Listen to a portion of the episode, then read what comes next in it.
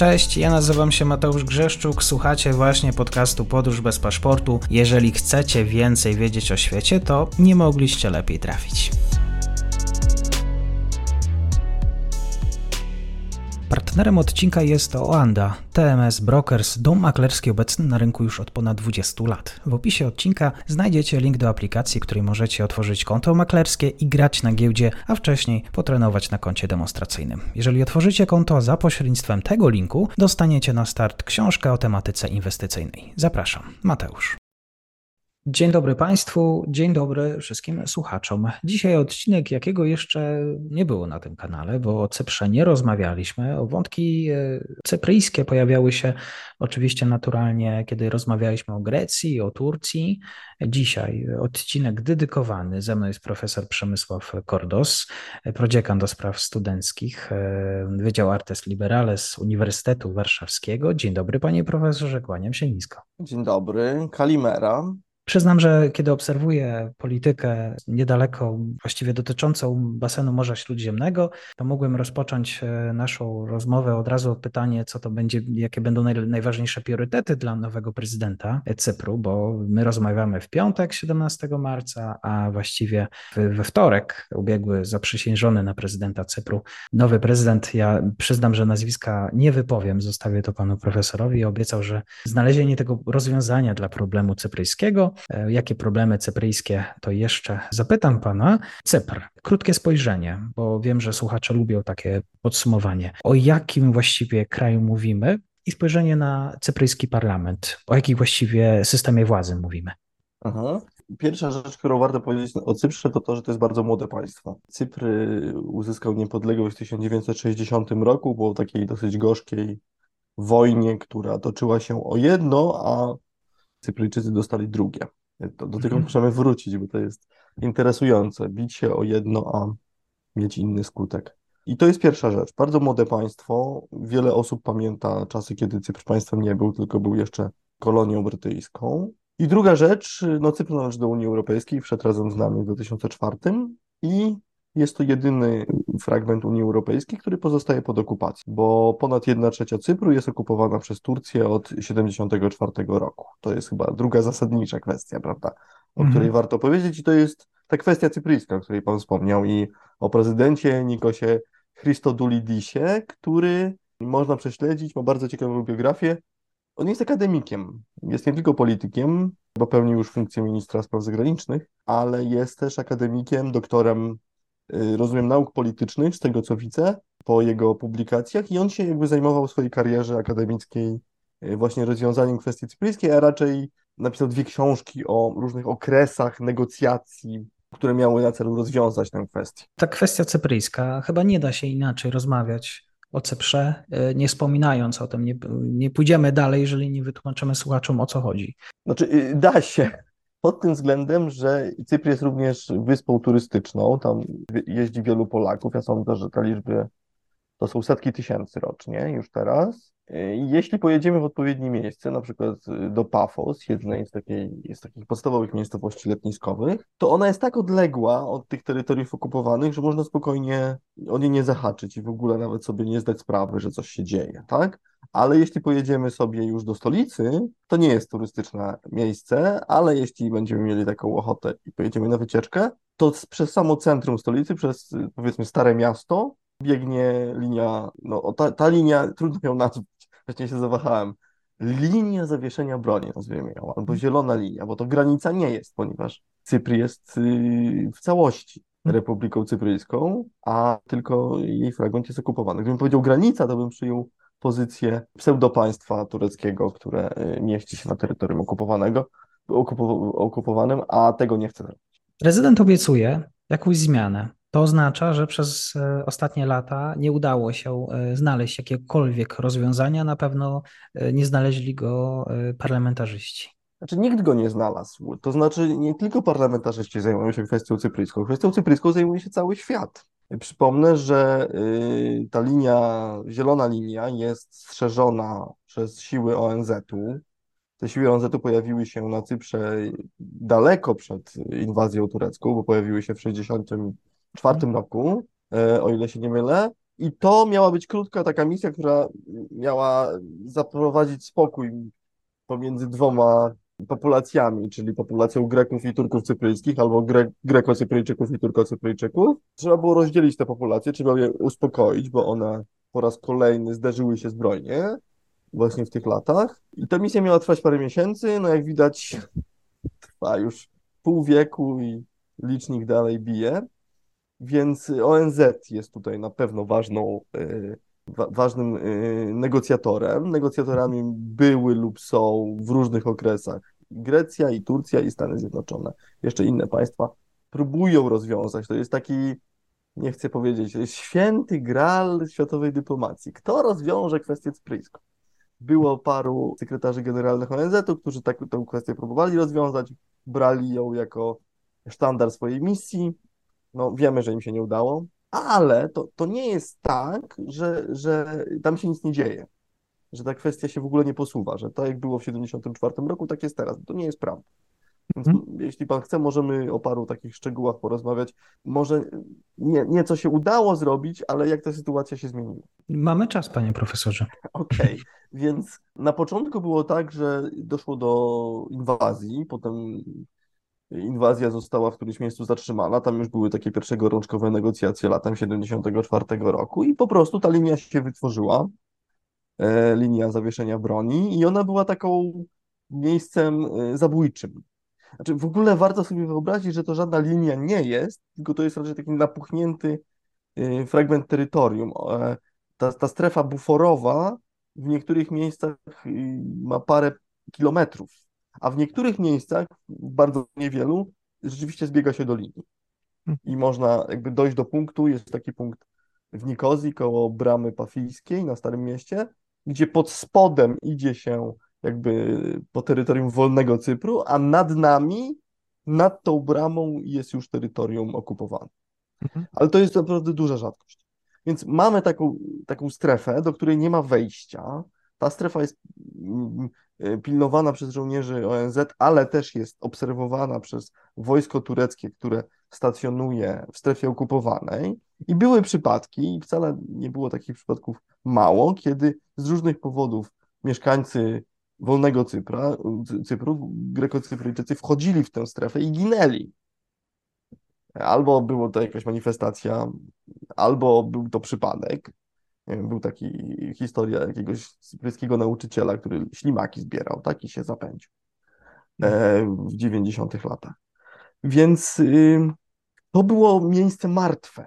I były takie punkty na południu, mówię południe, ale tak się raczej mówić nie powinno, bo to sugeruje podział, gdzie Cypryjczycy, Greko-Cypryjczycy wchodzili na wysokie budynki, no Cyprze jest bardzo niewiele wysokich budynków, i z tych budynków patrzyli na tą strefę okupowaną. Często patrzyli na domy, z których musieli uciekać e, w 1974 roku, czy mhm. nawet wcześniej, tak? bo to, ten konflikt nie wziął się, nie stał się e, w jedną noc, tylko trwało wiele dłużej. E, ale w okolicach wchodzenia Cypru do Unii Europejskiej Turko-Cypryjczycy i w ogóle Turcy złagodzili trochę swoją postawę i otworzyli przejścia, miejsca, w których można przejść na drugą stronę. Takich miejsc, nie chcę skłamać, jest obecnie około siedmiu, w tym dwa są w stolicy. I no, korzystałem z tych miejsc, więc jakby mam doświadczenie własne, że można przez nie przejechać, można przez nie przejść, można tam jakiś czas spędzić yy, na terytorium okupowanym i można wrócić, nic się nie dzieje.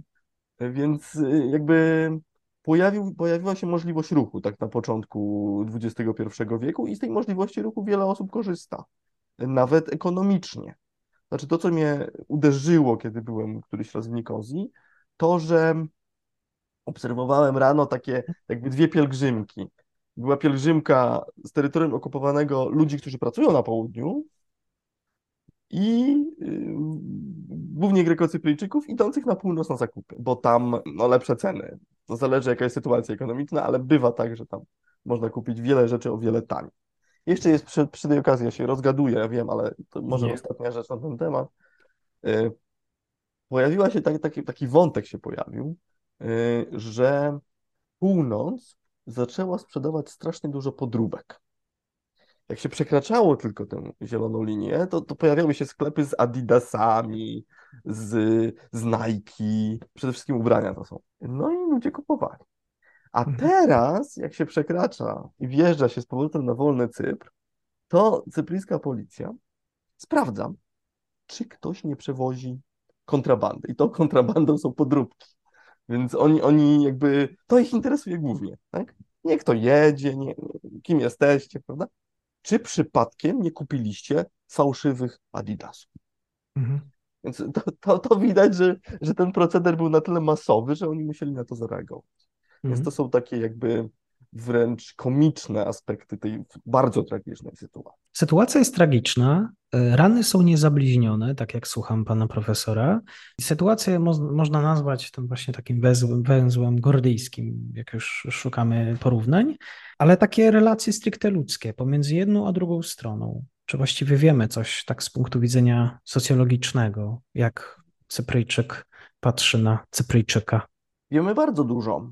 Jest nawet, powiedziałbym, taki nurt literacki, który y, jakby tę, tę, tę sprawę eksploruje, opowiada o y, jakby związkach, nawet przyjaźniach między mieszkańcami obu stron Zielonej Linii.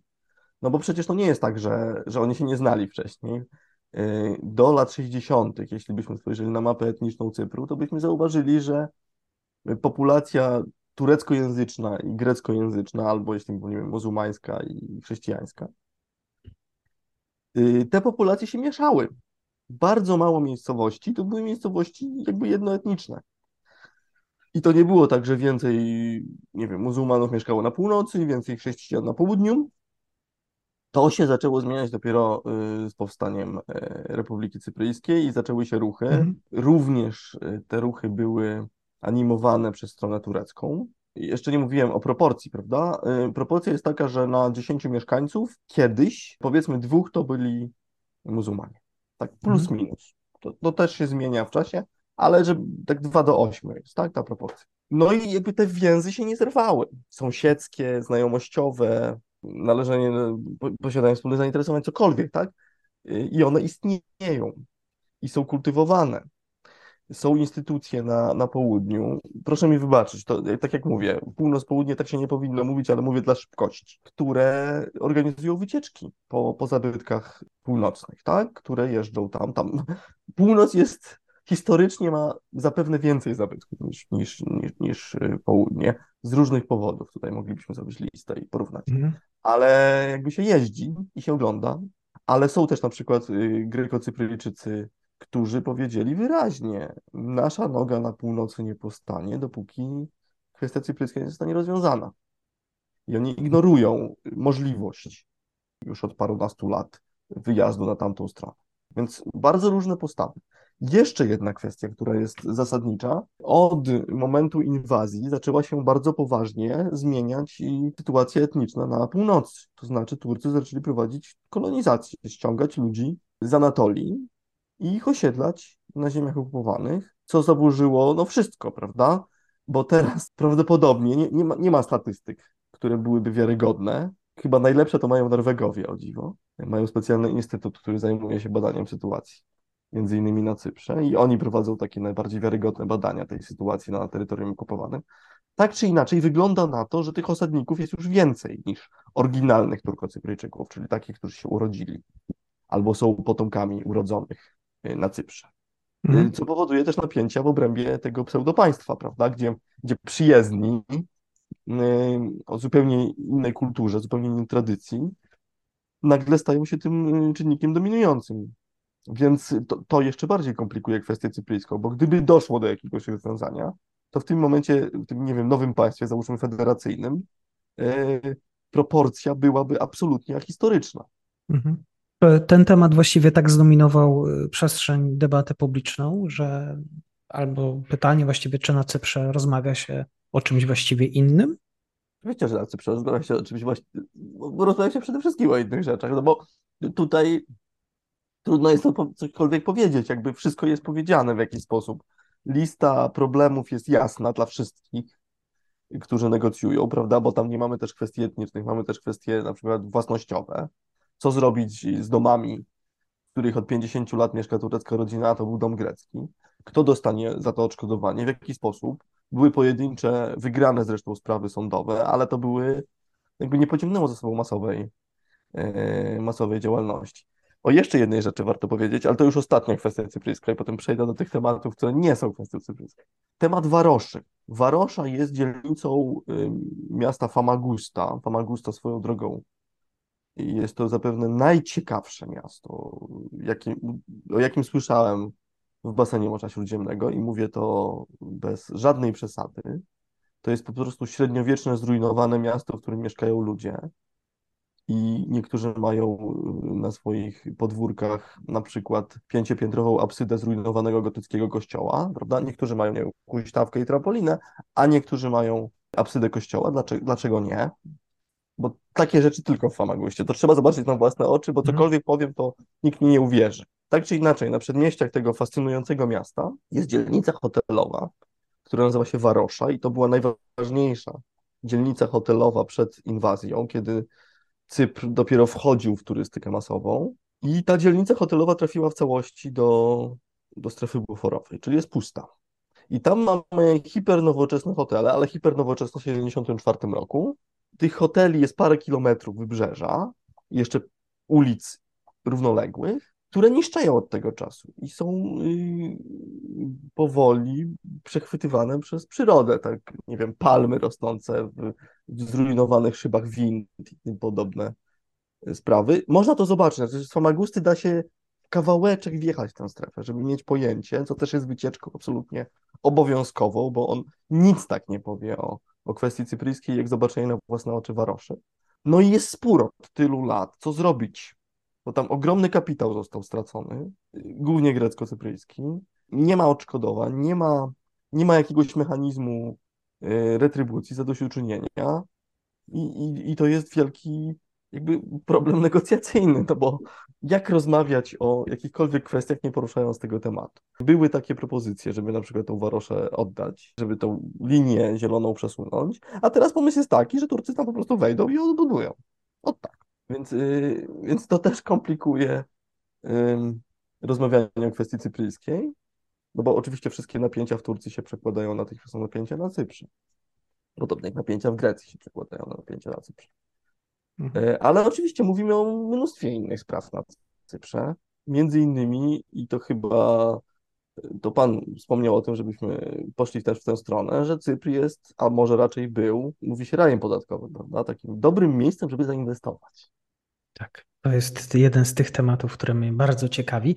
Ja myślę też, że może nie będzie niczym y, złym, jak polecimy książkę Tomasza Orkowskiego, Wyspa Trzech Ojczyzn, który również gościł na podcaście Podróż bez paszportu, więc jeżeli słuchacze chcą posłuchać o tej e, Wyspie Trzech Ojczyzn i o tej tożsamości, to polecamy książkę. E, myślę, że warta, e, warta spojrzenia.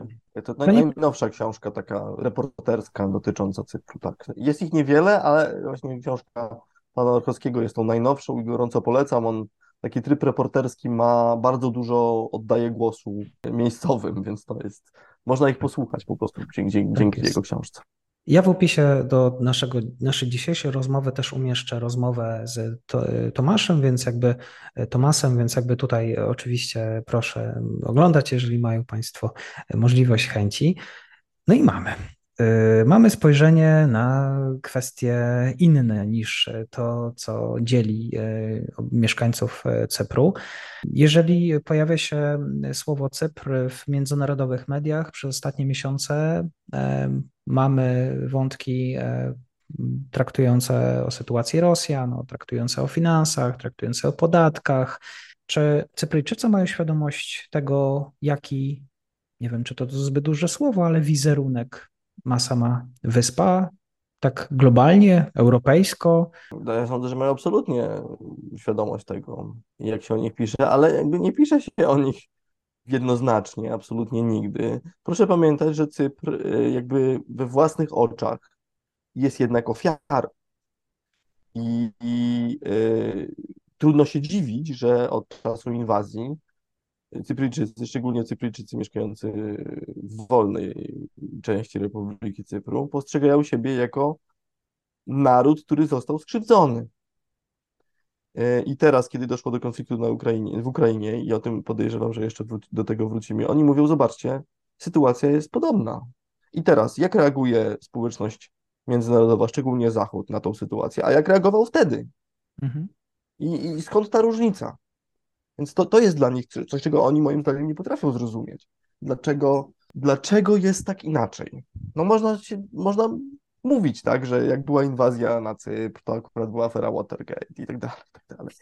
Tam, tam są jakieś uwarunkowania historyczne, no ale koniec końców y, Cypryjczycy moim zdaniem czują się pokrzywdzeni, pokrzywdzeni od dwóch pokoleń.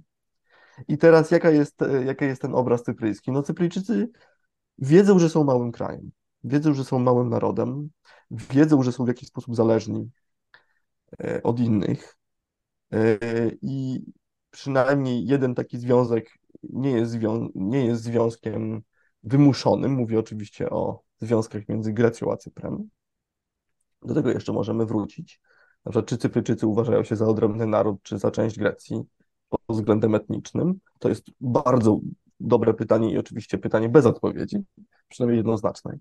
Ale idąc w kierunku finansowym, no Cypr to jest kraj, który doświadczył cudu gospodarczego, który z kraju, który jeszcze pod koniec kolonizacji brytyjskiej był naprawdę biednym miejscem, naprawdę zaniedbanym. On był za, praktycznie zawsze taki, zawsze był gdzieś na końcu świata.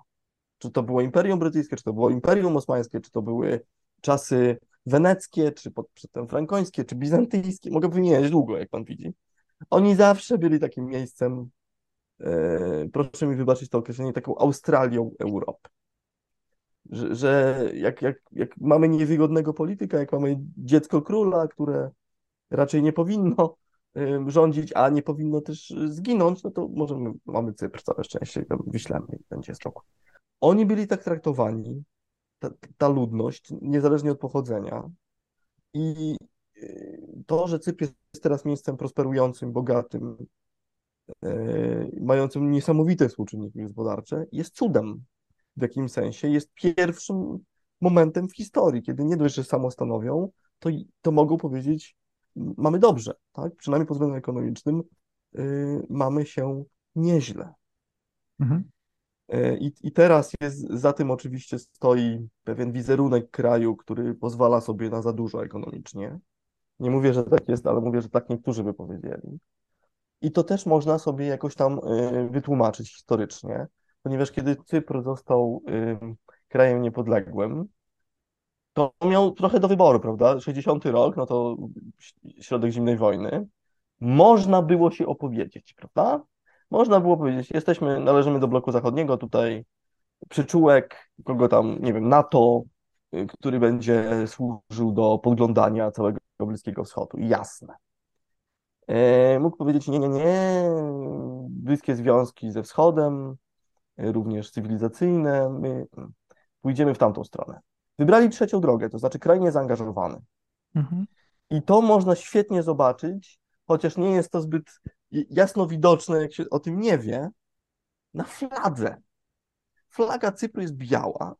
Na fladze jest kontur wyspy w kolorze miedzianym, no bo to etymologiczne pochodzenie, prawda? Nazwy Cypr. I dwie, dwie gałązki oliwne. Dwie gałązki oliwne, ta symbolika jest absolutnie jasna. Jakby w którą stronę celujemy. Pokój. To jest ta pierwsza wartość. Jak sobie zajrzymy na godło Cypru, mniej popularne, na godle Cypru jest biały gołąb. Mhm. Jak jeszcze nie mamy dojść tych dwóch gałązek oliwnych, jeszcze mamy białego gołębia. Wszystko jasne.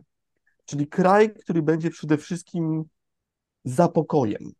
I zapokojem u siebie, zapokojem w regionie. Będzie dążył do tego, żeby ten pokój był gdzie się tylko da.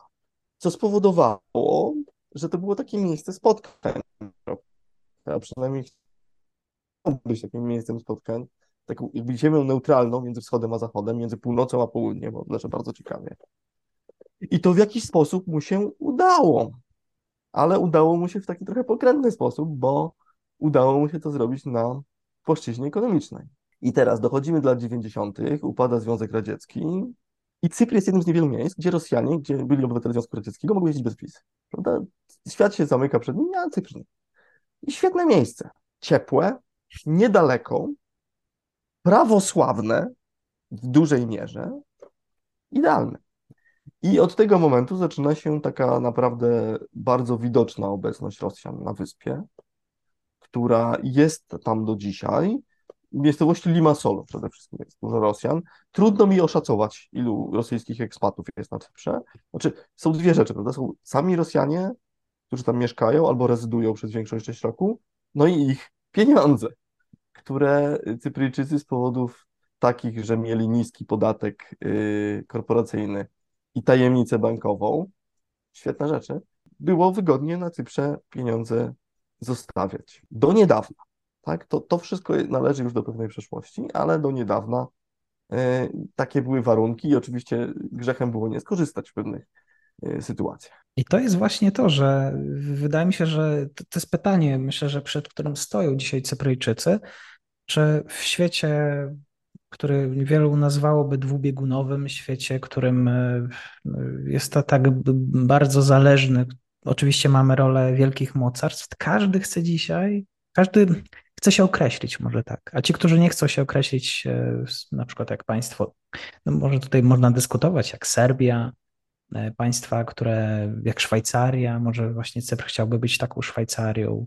Cypryjczykom ma się za złe, za to, że no, chcą stać pomiędzy, sta, chcą stać w rozkroku. Dzisiaj rozkrok, dzisiaj właśnie taka mm, powiedzmy widzenie świata w skali szarości, a nie tylko biało-czarnym jest czymś, no właśnie, złym. Znaczy, ja nie wiem, czy w ogóle można im postawić takie pytanie. Ja nie wiem, czy oni myślą o, o takiej dwubiegunowości z ich perspektywy. Tylko myślą raczej o tym, że nie może być tak, że nagle ktoś przyjdzie i powie, tego nie róbcie, bo bo oni mają pewne uwarunkowania historyczne, prawda? O których nie wolno zapominać. Na przykład to, że jeszcze te 60 lat temu Brytyjczycy byli dla nich jednoznacznie agresorami. Jeszcze do niedawna Rosjanie byli no, przyjaciółmi z północy. W ogóle temat pod tytułem Rosjanie w historii greckiej i cypryjskiej jest ogromny. Jakby ich pozycja, ich obraz, ich znaczenie jest z naszego punktu widzenia bardzo trudno zrozumieć. Więc y, teraz ktoś powie i przyjdzie, no to, to nie są dobrzy ludzie, co oni u was na wyspie robią, tak? I ja, ja sobie nie wyobrażam, że oni powiedzą, aha, no to, no to dobrze, to niech wyjeżdżają. Nie, no bo to jest, już minęło tyle lat, oni są tam miejscowi w jakiś tam sposób, są elementem tej mozaiki. Warto pamiętać, były takie robione y, ankiety w różnych państwach Unii Europejskiej o podejściu do konfliktu w Ukrainie. No i Cypryjczycy byli jednymi z najbardziej podzielonych społeczeństw pod tym względem, z odpowiedziami pół na pół. I tak jak mówię, trudno się dziwić przy, przy, takich, y, przy takich okolicznościach historycznych. Tam mamy jeszcze jedną rzecz, mamy kryzys bankowy, czy gospodarczo-społeczny, który przede wszystkim dotknął Grecję, prawda, ten kryzys przed 13-14 lat, który oczywiście y, odbił się też y, szerokim echem na Cyprze, bo Cypr dostał rykoszetem. Cypr dostał rykoszetem, ponieważ inwestował dużo w greckie obligacje, które okazały się toksyczne. I system bankowy Cypru też zaliczył takiego, takie głębokie zanurzenie do tego stopnia, że musiał być, ratować, musiał być ratowany pakietem pomocowym i musiał przystać na pewne warunki. I to bym powiedział, by rodzaju początek końca myślenia o raju podatkowym czy gospodarczym, bo najpierw Unia Europejska wymogła na Cyprze podwyższenie podatku korporacyjnego, Obecnie on wynosi 12,5%, czyli nie jest jakiś wybitnie niski, no ale Irlandia ma taki sam. A potem pakiet pomocowy miał warunki takie, że jeden bank cypryjski zostaje zamknięty, a nieubezpieczone y, lokaty powyżej 100 tysięcy euro są przycinane. Pewna ich część zostaje zabrana. I teraz prawdopodobnie było tak, że wiele tych lokat, trudno powiedzieć ile, jaki udział, to były lokaty rosyjskie, który, pieniądze rosyjskie, o których Rosjanie niespecjalnie chcieli mówić, więc też niespecjalnie chcieli mówić o tym, że stracili, tak? Więc y, sytuacja była naprawdę dziwna. No i jeszcze jedna rzecz, jeszcze jedna rzecz ekonomiczna, o której musimy powiedzieć, mianowicie projekt, program złotych wiz albo złotych paszportów, prawda? On się y, rozpoczął w 2013 roku. Niewiarygodne założenie. Jak się to czyta, to, to trudno uwierzyć, że rzeczywiście taki program był. Mianowicie, wystarczyło zainwestować 2 euro na Cyprze, na przykład kupić nieruchomość i proszę, paszport. Oczywiście sprawdzamy wszystkich, to tylko uczciwi ludzie, uczciwie zarobione pieniądze, ludzie bez żadnych tam zaszłości kryminalnych, wiadomo.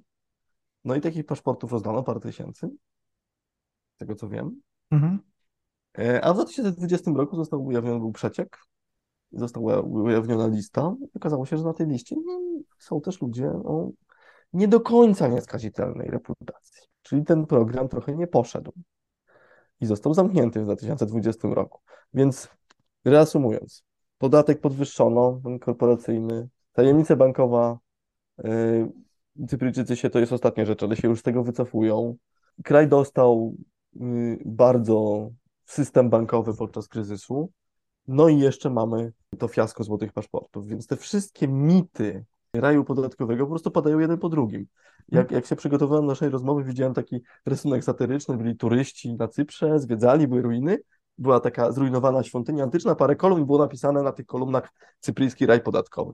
Jest dokładnie to. Jakby kiedyś to mieliśmy, ale Oczywiście. Było, minęło, trudno. A, śle, a śledztwo samo dotyczące paszportów jeszcze trwa? Czy w jakiś sposób tutaj Ministerstwo Spraw Wewnętrznych CEPRU, e, nawiązując do, też do dokumentacji tej Izby Obrachunkowej, w jakiś sposób e, tutaj wyjaśniono tę sprawę tak do końca, o tak? Nie wiem, powiem panu szczerze, że tutaj mnie pan przyłapał, nie mam pojęcia, czy, czy, czy już to skończyli, czy nie. Mogę tylko gdybać, jak gdybałbym tak, że jak to zwykle bywa, trochę się zrobi, a trochę się nie zrobi. Jeszcze w zeszłym roku właściwie prokuratora, biuro prokuratora generalnego ogłosiło, że toczy się w jakiś sposób postępowanie wobec osób. To chyba dotyczyło to czterech, którym zarzucono y, spisek na szkodę Republiki Cypryjskiej. Właściwie powodem jest to, że państwo straciło y, miliony euro. Y, oczywiście było to podobno czterech rosyjskich miliarderów. Jeżeli Rosjanie inwestują e, nie tylko być może Rosjanie na Cyprze. Jakie to sektory? Domyślam się być może nieruchomości. E, Cypr... Mam wrażenie. No nieruchomości na Cyprze są świetną inwestycją, prawda? Kto by nie chciał mieszkać w kraju, w którym jest 300 dni słońca? Mhm. Więc absolutnie tak. No to, to, to jest, pod względem klimatycznym jest to raj. Tylko muszę powiedzieć, że yy, zawieźmy pojęcie raju od czerwca do września bo wtedy jest po prostu straszliwie gorąco na tej wyspie. Jest, no, Cypryjczycy nie są w stanie tego wytrzymać, a co dopiero przyjezdni. Ale jeśli ktoś chce ciepłe zimy, naprawdę y, byłem, widziałem, polecam. Pada śnieg, też widziałem, ale jakby większość nie jest pogodna. 15 stopni, morze. Więc inwestycja w nieruchomość wydaje się bardzo celowa. Y, na Cyprze jakby nie mam czegoś takiego jak przemysł ciężki. E, nie ma jakiejś produkcji wielkiej. Jest duża produkcja rolnicza, prawda? Cypryjczycy eksportują, załóżmy, cytrusy, tak? Uważają, że cypryjskie cytrusy są najlepsze w okolicy. Ziemniaki teraz to jest ten moment, prawda? Kiedy cypryjskie ziemniaki zaczynają płynąć do nas, ale jakby poza nieruchomościami, nie wiem, turystyką, prawda?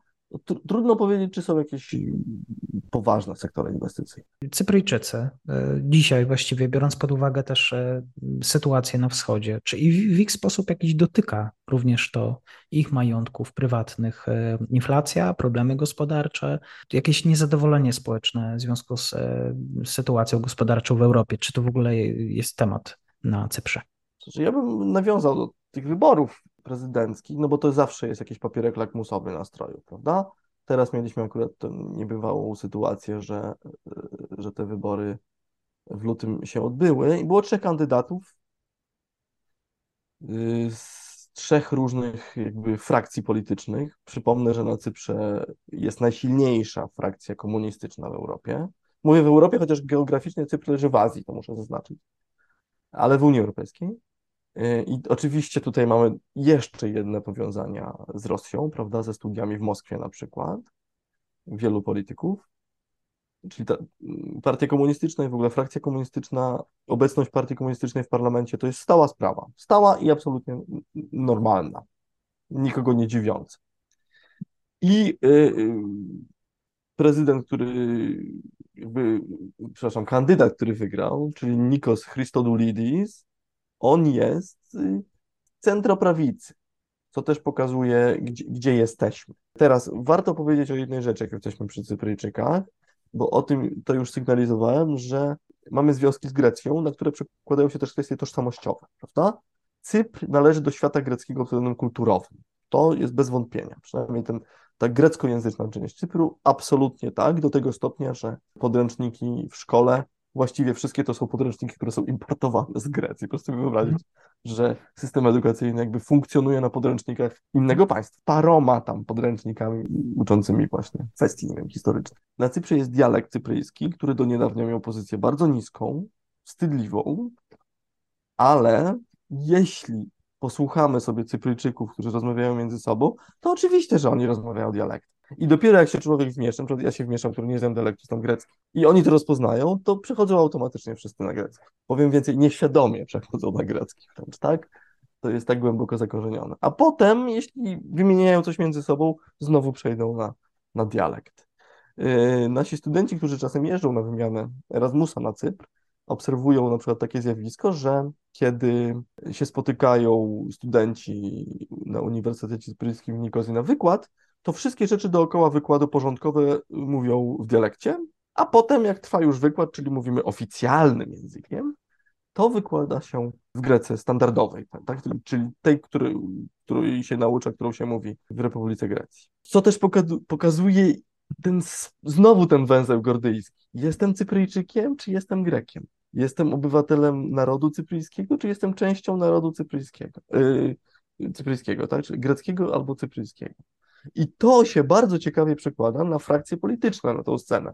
Jeśli sobie weźmiemy ten prosty model lewica-prawica, lewica jest bardziej za tożsamością cypryjską. Prawica jest bardziej za tożsamością grecką. Tak? Czyli jeśli wygrywa kandydat centroprawicowy, to oznacza, że ta wskazóweczka wskazuje raczej na bliższe kontakty z Grecją niż dalsze. Tak? Że tutaj idziemy w kierunku pewnej jedności kulturowej, a nie idziemy w kierunku pewnej pewnej separacji. A w parlamencie Więc, mówi się dialektem czy po grecku? Moim zdaniem ta sytuacja jest cały czas ta sama. To znaczy, im bardziej oficjalny jest język, tym bardziej po grecku mówimy. Czyli jakby są sfery. Dialekt jest kwestią prywatną, jest kwestią nieoficjalną. Yy, język grecki standardowy jest językiem do załatwiania spraw, które są yy, no, mają charakter oficjalny, profesjonalny, zawodowy i tak dalej, i tak dalej. Czyli, nie wiem, po, dialekcie raczej mówimy, w, w greckim standardowym raczej piszemy i tak dalej. Tutaj jest kultura w takim razie, która jest często właśnie tym miejscem, y, przestrzenią spajającą. Nie ma mowy o jakimkolwiek myśleniu, często w kategoriach ja pewnie Cypryjczyk, czy ja Grek, ale tu Jaką kultura odgrywa w takim razie rolę, jeżeli wszystko y, spływa z tej Grecji, tamtej, od sąsiadów? Nie, to nie jest tak, że wszystko spływa. To znaczy jest kultura miejscowa cypryjska, jest literatura cypryjska, są pisarze cypryjscy, są dramaturdzy, bardzo, bardzo mocny teatr cypryjski jest. Y, I to jest dobry trop, który pan pokazał, bo jakbyśmy nimi poszli, to już dużo rzeczy widać, ale tylko powiem, że można być y, Cypryjczyk można powiedzieć, jestem Cypryjczykiem, jestem Grekiem, jestem Greko-Cypryjczykiem, jestem y, Grekiem mieszkającym na Cyprze i tak dalej, i tak dalej. Jakby y, i te wypowiedzi nie muszą być rozłączne. Czyli da się być Grekiem i Cypryjczykiem bez problemu. Absolutnie. Niektórzy są. Bo jakby wierzę w samostanowienie, tak, że, że ja nie mogę nikomu powiedzieć, o, przepraszam, mam telefon, czy mogę zabrać? Bardzo proszę. Okej, okay, przepraszam. Titi, czy to pilne, czy mogę do Ciebie dzwonić? Czy to jest pilne?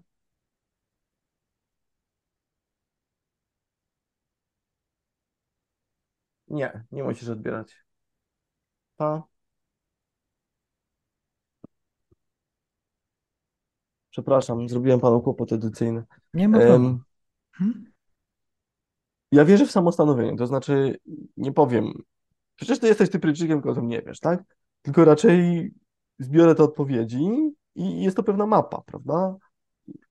Tożsamościowa, która mo, może można mieć dwie tożsamości.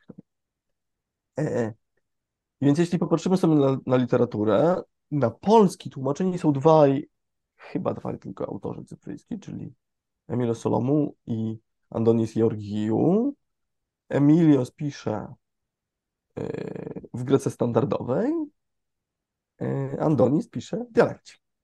I jak wydaje y, Andoni swoją, swoją książkę w Grecji, to ona jest w dialekcie, a z tyłu jest słowniczek cypryjsko-grecki.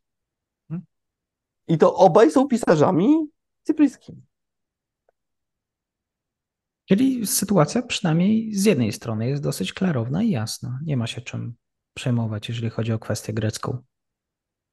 Yy, znaczy, kwestia grecka jest jakaś, prawda? Bo niektórzy będą dążyli do odpowiedzi, kim jesteś albo kim jestem, ale niektórzy twierdzą, że taka właśnie polifonia jest naturalnym stanem i rzeczywiście problemu nie ma. Można o niej dyskutować, ale na zasadzie taki no, opisujemy, jak jest, tak?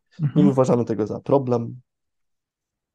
Yy, Więc yy, tak jak pan mówi. Tak samo z muzyką. No jest muzyka, która jest śpiewana yy, po, w greckim standardowym. Są zespoły, są wykonawcy, którzy śpiewają po cypryjsku. Co na to wszystko. Grecy, e, biorąc pod uwagę? Czy im łatwiej byłoby przyjąć swojego sąsiada, myśleć, myśleć już bardziej w kategoriach wspól- wspólnoty, gdyby ta kwestia e, turecka byłaby rozwiązana? Czy Grecy mieli jakiś na to pomysł? Znaczy Grecy jako mieszkańcy Republiki Grecji? Tak jest, tak. No yy, teraz, jak pan tak stawia py- pytanie, no to trzeba się zastanowić, czy Grecy są pełnoprawnym, e, równoprawnym, jak Grekocypryjczycy, negocjatorem, prawda? Czy oni powinni mówić, czy tylko sugerować, podpowiadać, radzić? Tak, to, to jest kwestia, no bo zanim Cypr powstał, to oczywiście to Grecy byli jednym y, z, z reguły z tych siedzących przy stole negocjacyjnym, jak to będzie w przyszłości. Ale czy ta sytuacja jest dalej taka? Znaczy, Cypryjczyków w Grecji jest bardzo dużo, Greków na Cyprze jest sporo. E, wynika to między innymi z tego, że na Cyprze trudno jest y, studiować. To znaczy jest tylko jeden uniwersytet państwowy i ze trzy prywatne. Oraz na terytorium okupowanym jest cztery albo pięć następnych, które wszystkie są prywatne i dokładają się e, bardzo do PKB. Mhm. Co jest też interesujące. Akademia jako źródło zarobku, jak pan pomyśli. Jakby w, w polskich realiach też o takim zagadnieniu gospodarczym. I wielu Cypryjczyków po prostu wyjeżdża na studia. No, najbliżej, e, przynajmniej kulturowo, jest studiować w Grecji. E, Chociaż jak pan zerknie sobie na biografię wspomnianego prezydenta elekta, no to pan zobaczy, gdzie on studiował, jakie, jakie tam są jego. No, pan w czterech różnych uniwersytetach studiował, Mhm. między innymi w Atenach, ale też w Yale. Więc ym, no, są różne losy akademickie Cypryjczyków i dlatego wielu z nich wyjeżdża, potem wielu z nich zostaje. Oni się jakby tak mieszają, ale słychać Cypryjczyka w Grecji. To też jest interesujące, że jakby nawet jak mówią standardowym greckim, to Grek usłyszy, że to jest ktoś z Cypru. Grek też usłyszy, że to jest ktoś z Krety i nie wiem, z Rodos, tak? Więc to, to jest takie słyszenie, prawda? Jakby to lokalne brzmienie języka jest niezaprzeczalne w tym momencie. Mhm. Y, Dzisiaj y, pewnie nie jest łatwo rozwiązanie wszelakich problemów. Y, Pojawia się nowy prezydent, o którym wspomniałem na początku spotkania, który odziedzicza właśnie te wszystkie problemy, o których dzisiaj rozmawialiśmy. No i właśnie, prezydent obiecuje, ale czy ma jakieś konkretne narzędzia do tego, żeby odpowiedzieć na, na te wyzwania?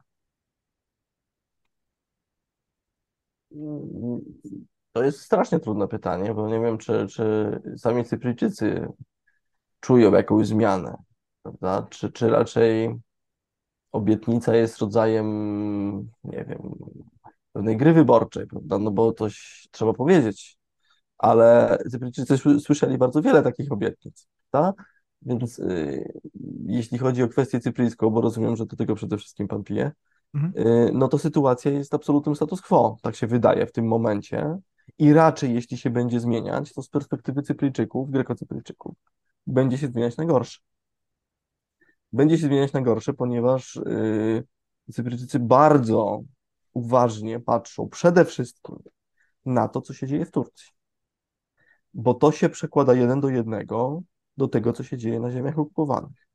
Do tego, w jaki sposób to pseudopaństwo się będzie zachowywać.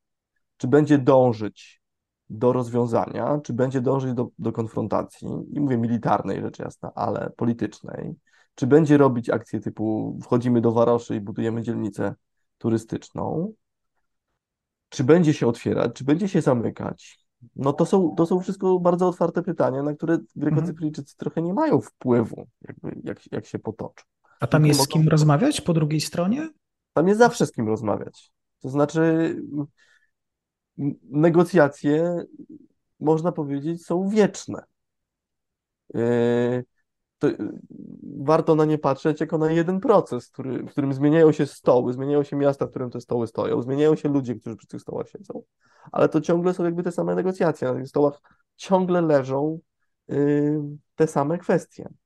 Warto też powiedzieć, że aż do planu Anana, prawda, czyli mówimy o momentach tuż przed wejściem Cypru do Unii Europejskiej, to Cypryjczy, Grekocypryjczycy byli poszkodowani w negocjacjach. Zawsze wycofywała się ta strona druga.